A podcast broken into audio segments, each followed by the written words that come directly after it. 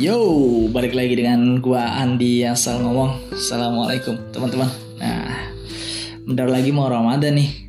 Em, tapi kayaknya nggak nggak bakal beda jauh dengan Ramadan tahun lalu yang banyak orang ngerasa beda banget karena kondisi masih pandemi dan kalau lihat eh, per hari ini eh, kayaknya nggak ada progres bakal segera hilang eh, corona ini. Ya walaupun vaksinasi tetap ditingkatkan dijalankan oleh pemerintah eh, tapi berita terkait covid positivity rate eh, di negara kita masih masih tinggi.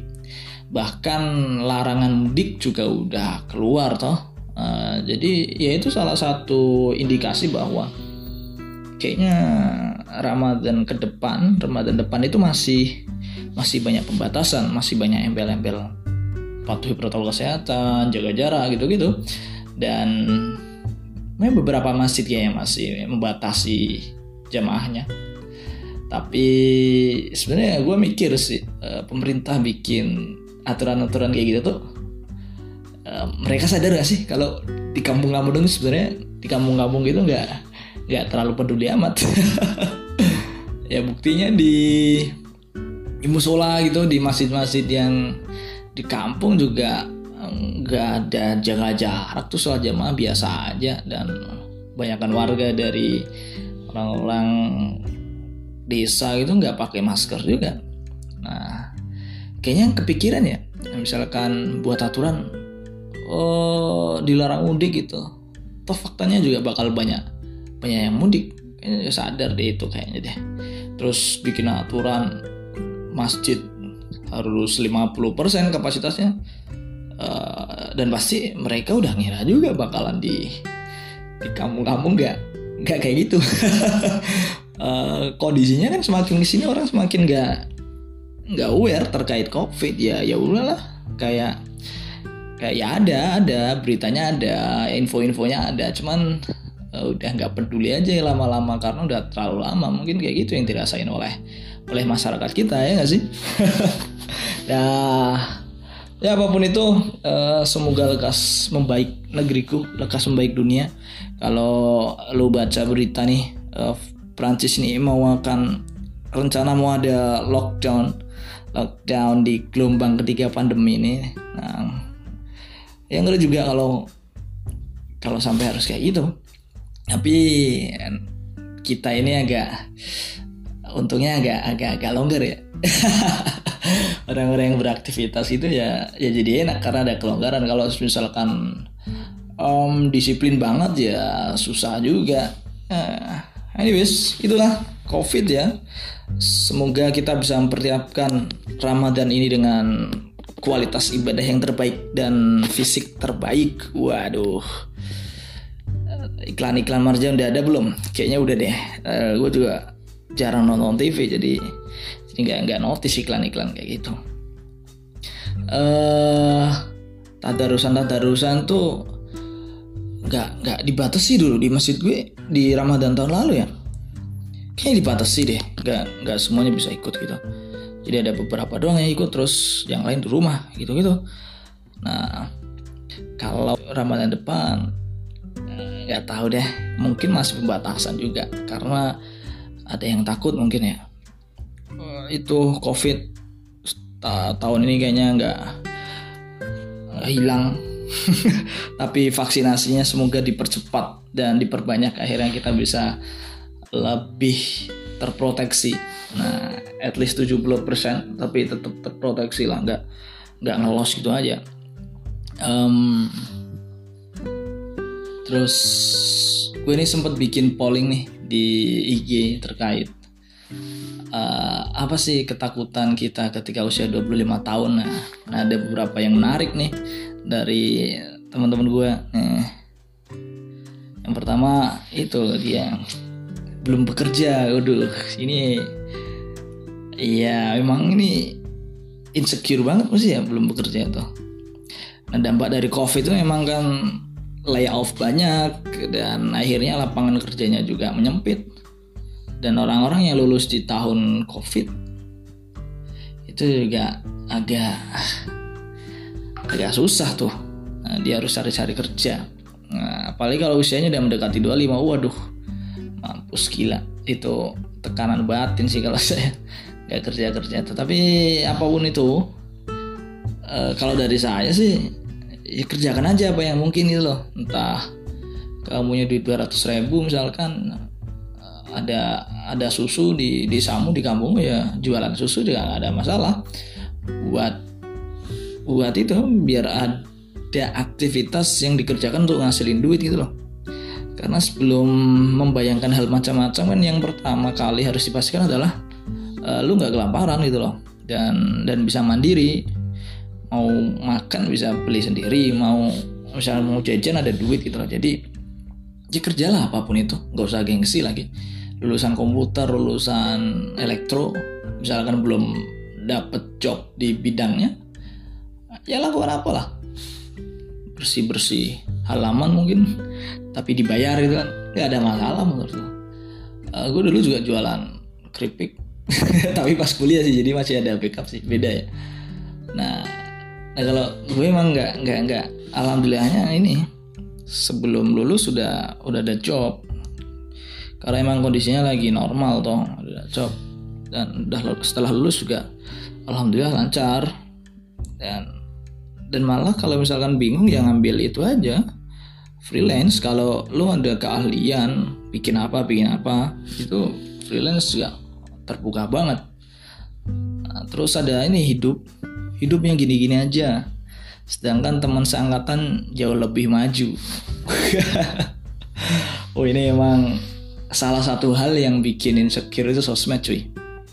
Lu gila memang. Kalau misalkan lu kebanyakan main sosmed itu lihat story orang kadang ada ngapain insecure sendiri ya? Ya, lihat diri lo yang masih jualan keripik dan teman lo udah kerja di BUMN gitu udah udah itu udah ngerasa. Ya normal sih normal. Apalagi laki-laki cuy. Uh, yang yang harta salah satunya adalah harta sebagai tolak ukur itu. Uh, hmm, jadi apa ya? Kalau gua sih relatif nggak terlalu peduli ya dengan hal-hal kayak itu tapi beberapa teman gue tuh ada yang yang mikirin banget hal kayak gitu. Dia udah jadi ini udah jadi ini. Terus dia ngerasa uh, ngerasa rendah gitu ngerasa kecil. Uh, ya bagi orang-orang yang kayak gitu hmm, menurut gue sih jangan banyak-banyak lihat story loh. Di mute aja deh story BA di mute terus IG ya scroll. Itu aja deh follow follow kata-kata mutiara aja deh lo follow kata-kata mutiara boleh follow akun. Uh, lowongan kerja itu lebih enak daripada follow temen lo yang udah jadi tentara udah jadi dokter lo mampus lah. Tapi doa gue selalu menyertai sih. Semoga orang-orang yang merasa lebih rendah dari temannya merasa lebih kecil dari temannya segera mendapatkan kebesaran hati bahwa ada kemampuan khusus dari dirinya, ada kekhususan dari dirinya yang nggak nggak dimiliki oleh oleh orang lain itu yang perlu di, ditanamkan gitu loh. Dan dan jangan cuman kumpul sama orang-orang yang oke okay ya yang di atas lo ya. Tapi lo juga perlu kumpul sama orang-orang yang di bawah lo gitu loh. Jadi paling nggak untuk untuk nambah-nambah rasa syukur lo ketika lo nggak bisa bersyukur dari dalam diri lo sendiri. Jadi jadi kumpul dengan orang-orang yang apa tarafnya di bawah lo dari segi ekonomi maupun uh, kualitas itu itu juga juga bisa salah satu jadi obat buat orang-orang yang selalu mikirin uh, kesuksesan temennya. Nah terus apa lagi tuh ya? Uh, ini ada lagi nih. Depresi nih apakah depresi artinya tidak bersyukur? Waduh berat berat depresi tidak bersyukur. Uh, mungkin kalau menurut gua sih ada hubungannya tapi tidak langsung ya. Uh, ada orang yang tidak bersyukur akhirnya depresi. Tapi ada orang yang depresi bukan karena tidak bersyukur maksud gue sih gitu.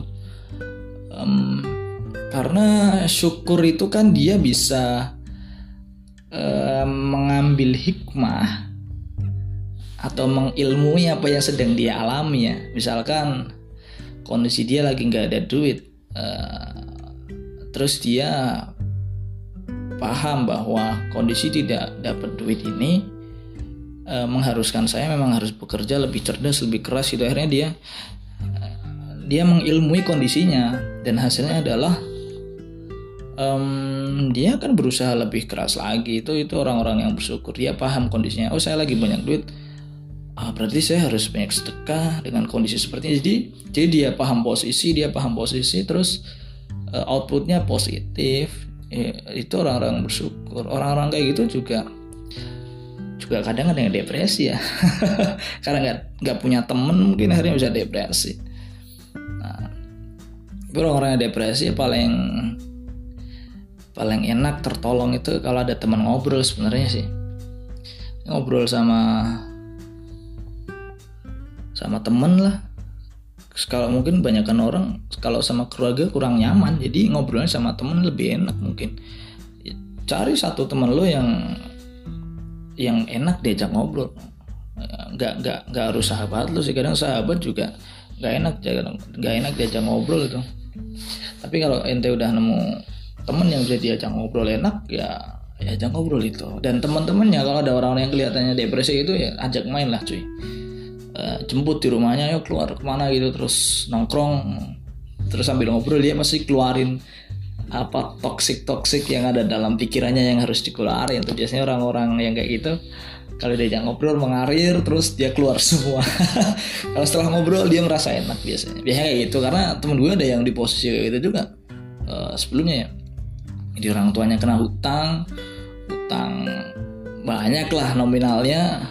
Terus dianya belum lulus lulus kuliah ngerasa jadi beban keluarga gitu akhirnya uh, apa buat buat status aneh gitu kan di WA terus gue komen kenapa nih? Nah terus tiba-tiba mau minjem duit. Duit 8 juta. Ya ada sih cuman Cuman gimana ngembalinya? Dia gak Lagi terlilit utang dan gak ada pemasukan. Akhirnya kondisi kayak gitu Terus gak Gak itu ya Gak tak iyain buat minjem, minjem duit kayak gitu. Karena juga kalau dipinjemin langsung habis duit gue di tabungan. Akhirnya di, gue sama temen pakai mobil jemput lah jemput diajak nongkrong ngobrol no keluar semua tuh. Unek-unek yang ada di hatinya diajak sharing. Akhirnya ya sedikit lebih baik sekarang jadi lebih lebih produktif lagi. Nggak kayak dulu-dulu yang murung aja di dalam rumah karena kondisinya nggak nggak sedang baik-baik saja kondisinya dan kondisi keluarganya itu yang yang bikin berat. Nah orang-orang kayak gitu jadi temenin ngobrol sih. Bersyukurlah kalau misalnya ente depresi terus lo lo punya temen yang yang enak diajak ngobrol dan pengertian gitu bisa ngajakin lo main. Nah karena orang depresi mau main juga males apalagi depresi karena nggak punya duit mau main keluar duit dari mana nggak ada duit. Nah itu sih.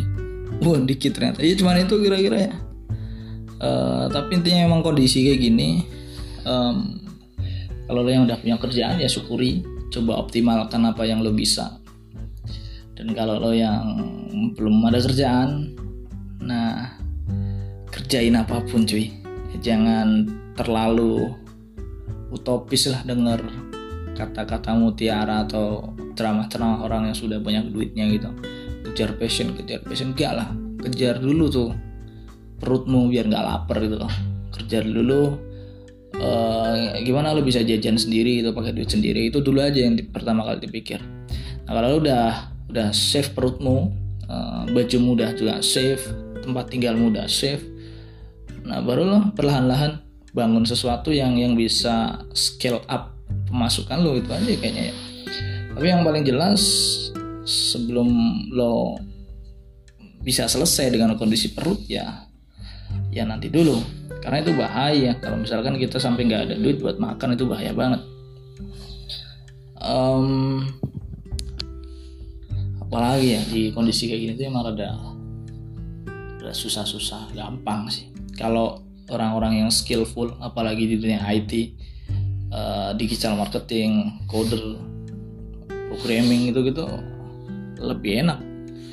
Jadi dia sesuai zamannya karena sebelum pandemi datang orang-orang yang uh, expert di bidang digital paling nggak dia punya pemahaman digitalize itu udah udah safe untuk menghadapi kondisi yang yang serba pembatasan kayak gini lah. Kalau dia buruh dia pedagang gitu uh, bakul mie ayam ya rada susah kalau kondisinya tiba-tiba banyak dibatasi apalagi yang belum terlalu melek teknologi. Orang tua aja orang tua aja kesusahan ngatur anaknya buat uh, video call pembelajaran gitu. Akhirnya karena kesusahan saya nemuin sih di beberapa sekolah. Akhirnya karena kesusahan orang tuanya nggak pada bisa pakai zoom kayak Google Meet. Akhirnya cuma share share tugas di WA gitu. Efektif gak ya enggak lah nggak efektif belajar kayak gitu. Ah, nggak masuk sama sekali akhirnya banyak kalau misalnya dia kelas 1 kelas 2 pandemi masuk kelas 1 kelas 2 akhirnya banyak yang belum bisa baca. Belum bisa baca.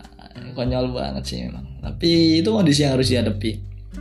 Dan akhirnya yang yang bisa bertahan ya yang yang kuat nantinya. Ketika udah berakhir kondisi seperti ini dan kita udah uh, totally new normal orang orang-orang yang bertahan yang bisa save gitu ya winner jadi pemenang. Nah ini ini kayak apa ya? Kondisi kayak gini tuh kayak kita lagi dalam ring tinju itu loh kita saling pukul-pukulan sama virus sama pekerjaan sama income kita pukul-pukulan. Ya yang paling kuat bertahan di dalam ring paling ramah orang-orang yang belum keluar ring itu ya yang menang tuh. Kalau yang udah terkapar ya rada rada butuh waktu untuk masuk ke ring lagi mengikuti perlombaan kehidupan dunia ini. Ya sih kalau menurut gue sih gitu ya. Tapi ya nggak tahu juga mungkin salah mungkin benar. Dan akhir-akhir ini banyak berita ngomongin teroris. Itu itu ya kita patut berbelasungkawa ya. Dengan korban-korban teror kayak gitu.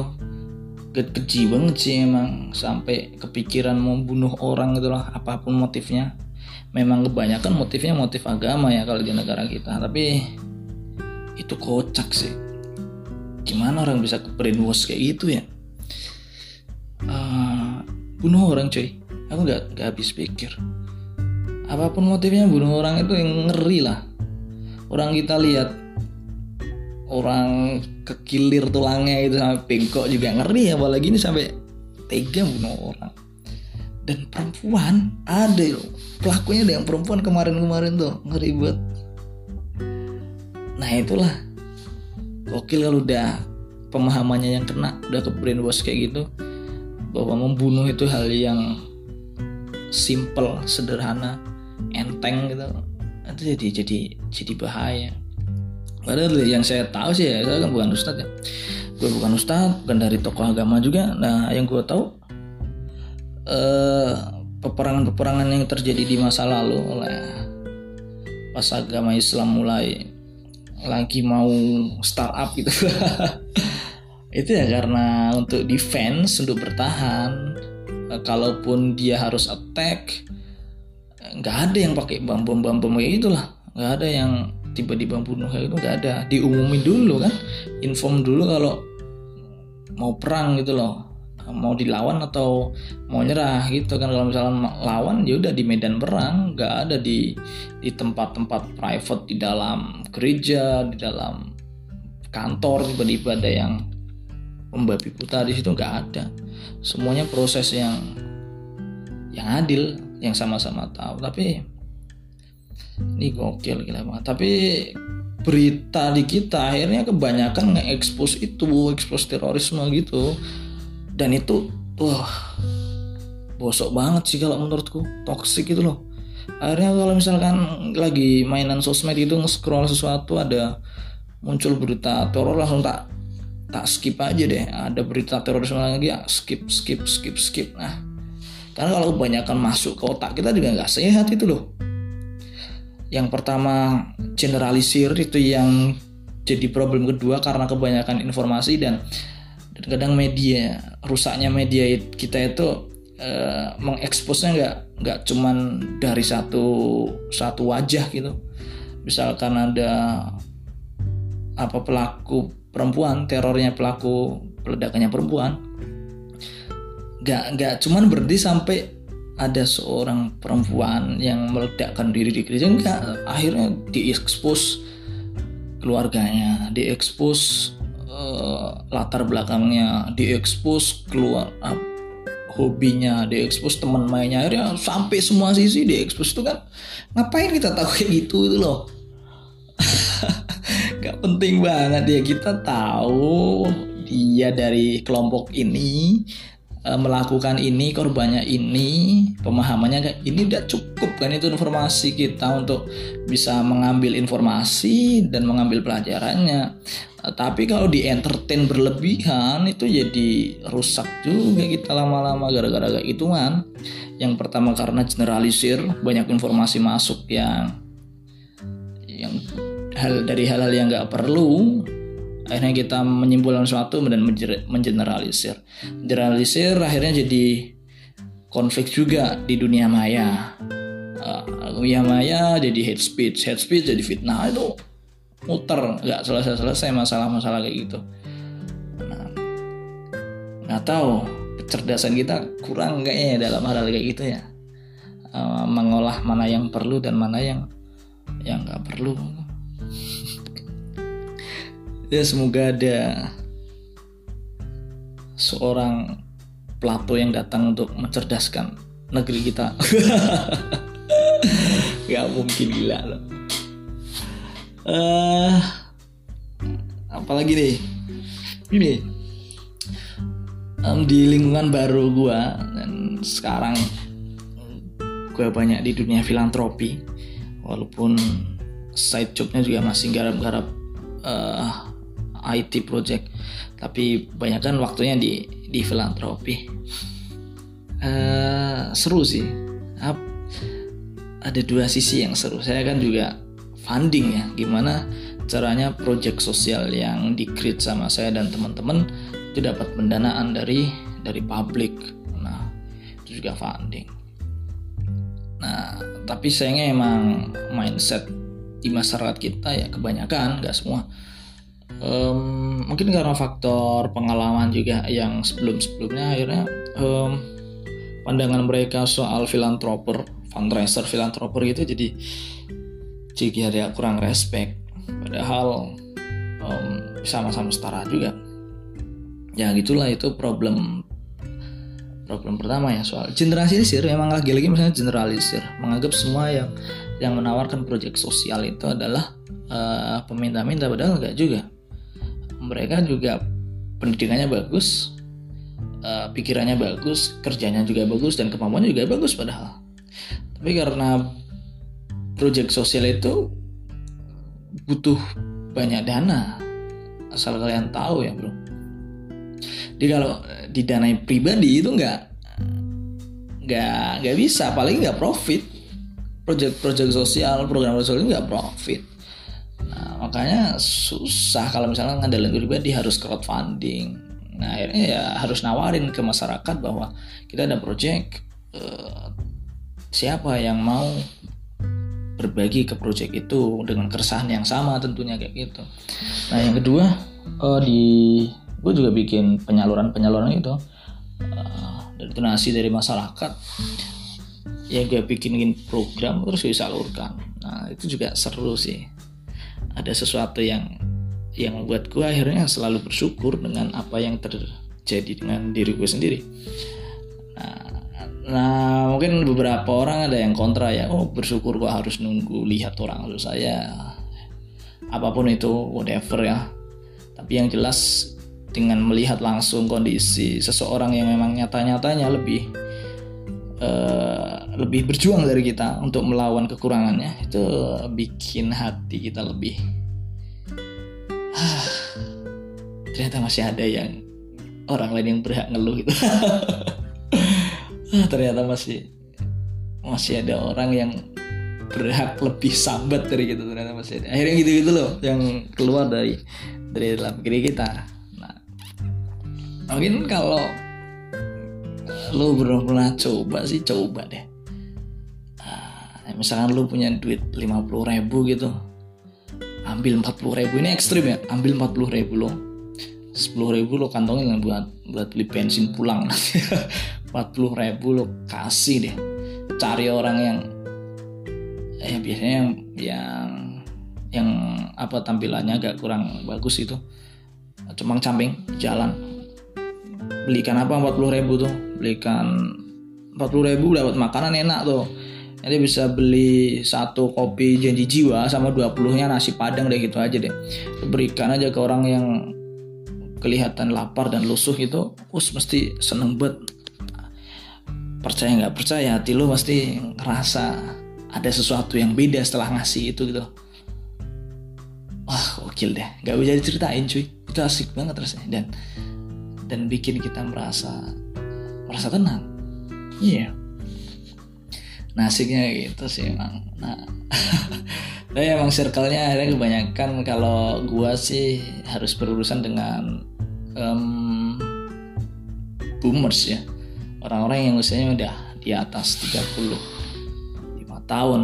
Nah, at least kalaupun lebih muda berurusan dengan orang-orang muda, sekarang kondisinya adalah uh, ya banyak bedanya soal mandang sesuatu karena emang background gue dengan teman-teman juga juga beda. Gue kan banyak pindah-pindah tempat. Akhirnya banyak lihat sesuatu yang berbeda teman-teman itu banyak kan di di daerah-daerah aja. Jadi jadi ya yang rasa beda tapi itu hal yang biasa sih gue rasa. Dan itu asik untuk sebuah tim harus di ada challenge di situ kan. Jadi jadi kondisinya nggak nggak normal normal aja tapi ada sesuatu yang harus difixkan diperbaiki di situ. Itu lebih challenging.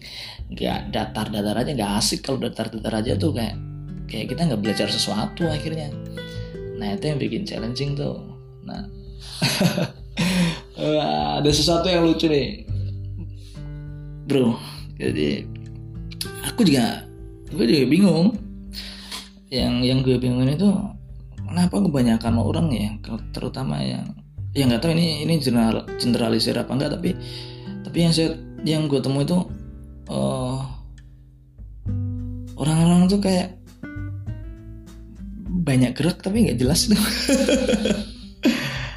Uh, dulu pas gue di Freeport itu sebelum naik mobil ngendarain mobil aja harus harus checklistnya nggak banyak tuh. Uh, ini udah dilakuin belum ini udah disiapin belum udah dilakuin belum udah disiapin belum. Jadi semuanya dipersiapkan dulu dan dipastikan dulu udah ada baru jalan tuh mobil. Bisa jalan. Kalau enggak kena punishment. Nah kalau ketahuan yang kena punishment tuh dia nggak ngecek uh, apa yang jadi SOP untuk menjalankan mobil. Nah tapi yang saya temui banyak di orang-orang boomers tuh uh, itu bro. Buru-buru. Buru-buru pingin banget ngelihat orang yang penting nggak diem itu aja sih. Nah padahal uh, sebelum kita bergerak uh, apa pun itu kan harus pastikan dulu persiapannya SOP-nya uh, eh, misalkan untuk kita mau naik sepeda nah kalau misalkan kasaran sih ya udah naik aja. Nah tapi kan secara organisasi untuk mengamankan si pengendara sepeda itu supaya ketika jatuh dia nggak parah supaya dia nggak jatuh malah harapannya dan gak ada cedera sama sekali kan harus di checklist dulu. Apa yang bisa menanggulangi resiko dia jatuh gitu loh nah ketika apa yang bisa menanggulangi resikonya udah udah semua di, dipastikan ada atau diterapkan baru lo jalan. Kan lebih safe ya. Memang lambat. Tapi ketika dijalankan hal kayak gitu kan lebih pasti yang pertama. Kepastian itu bisa dipresentasikan lebih tinggi akhirnya. Yang kedua lebih rapi coy dan yang ketiga mitigasinya lebih oke okay, kalau kayak gitu jadi ya lebih teratur sih intinya. Tapi yang saya yang gue temu itu sekarang uh, yang penting ini jangan yang penting ini jangan ya nggak salah nggak salah. Itu bagus menurut gua. Tapi ada yang lebih oke okay, gua rasa sih. Oh udah berapa menit nih gua ngomongnya? Um, udah mana nih? Udah 30 menit. Uh, lama juga nih. Tapi anyways uh, kondisi kayak gini memang harus pintar-pintar cari peluang. Jangan diem di tempat. Intinya jangan diem. Kalau urusannya pekerjaan ya apa pun itu lo tingkatin aja sih skill. Kalau misalkan lo masih nganggur ya tingkatin skill yang yang peluang pekerjaannya paling gede itu aja. Nah passion gimana? Passion singkirin dulu sih gue rasa. Fokus aja dulu di pekerjaan ya nah tapi sebelum ke situ pastikan uh, perut lo dan perut keluarga lo udah terisi itu yang paling penting. Jadi uh, jangan pelatihan pelatihan aja tapi lu sendiri lapar dan keluarga lu nggak bisa ngasih lo makan. Itu yang jadi jadi bahaya. Selesaikan dulu apa yang ada di perut gitu loh. Perut lo sama perut keluarga lo. Yang nggak usah mahal-mahal. Nggak usah mewah-mewah. Sesuai kondisi aja. Karena emang nggak ada. Masih duitnya masih minim ya makannya yang minim aja. Yang penting uh, terpenuhi untuk asupan makanan lo. Jadi ketika melakukan sesuatu nggak kelaparan gitu aja. Hmm. apalagi ketika lo masih muda masih usia 20-an memang ketika usia di usia 21, 22, 23 itu menuju 25 masih banyak pikiran. Uh, yang udah kerja kepikiran apakah tempat kerja ini akan menjadi tempat kerjaku selamanya. Apakah tempat kerja ini uh, bisa menjamin hidupku sampai usia 60 tahun? Waduh. Syirik lo waduh. Ada yang ngomong syirik. Percaya sama Allah. Waduh. Iya betul konsepnya gitu. Cuman kan eh, secara materi harus dijabarkan nah yang udah kerja kepikiran itu terus yang belum kerja kepikiran uh, teman-teman udah pada kerja teman-teman udah udah jauh lebih sukses sudah jauh lebih banyak foya-foya. Uh, orang tuaku gimana jadi beban keluarga padahal orang tuanya masih santai-santai aja bisa nyukupin kehidupan lo yang masih nganggur. Banyakin sekurun sekurnya akhirnya akhirnya malah jadi ngeblame ke diri sendiri. Dan itu bahaya banget kalau lo udah mulai ngeblame ke diri sendiri nggak berguna. Gak ada gunanya hidup itu tuh bahaya sih. Harus segera cari teman ngobrol lo jangan jangan diem diem aja. Jujur aja sih. Bro gue mau ngobrol nih. Nongkrong ya tapi gue nggak punya duit. Lu bisa ngasih gue duit nggak buat nongkrong gitu? Ada kok teman-teman lu masih ada yang baik. Oh eh tak bayarin tenang aja. Ayo nongkrong di mana gitu? Pasti ada lah. Pasti ada. Tenang aja. Cuman lu aja yang berpikir negatif akhirnya teman-teman lo kan bukan malaikat yang bisa tahu ketika lo nggak ngomong. Ya mungkin ada yang apa peka ya peka itu tapi nggak banyak orang-orang kayak gitu jadi ngomong aja padanya. Nah itu lebih lebih oke. Okay. uh, eh, itu dari gue sih kayaknya. Terus terakhir uh, terakhir apa ya? Bingung mau ngomong apa nih itu itu cuy. Um, lah nggak ada lagi bingung gue mau ngomong apa. Nanti kalau misalnya ada tak bikin lagi aja ya. Uh, sukses selalu untuk kita semua anak-anak muda yang ngerasa jadi beban orang tua. Waduh lu pasti bisa cuy lu pasti bisa tenang aja. Dah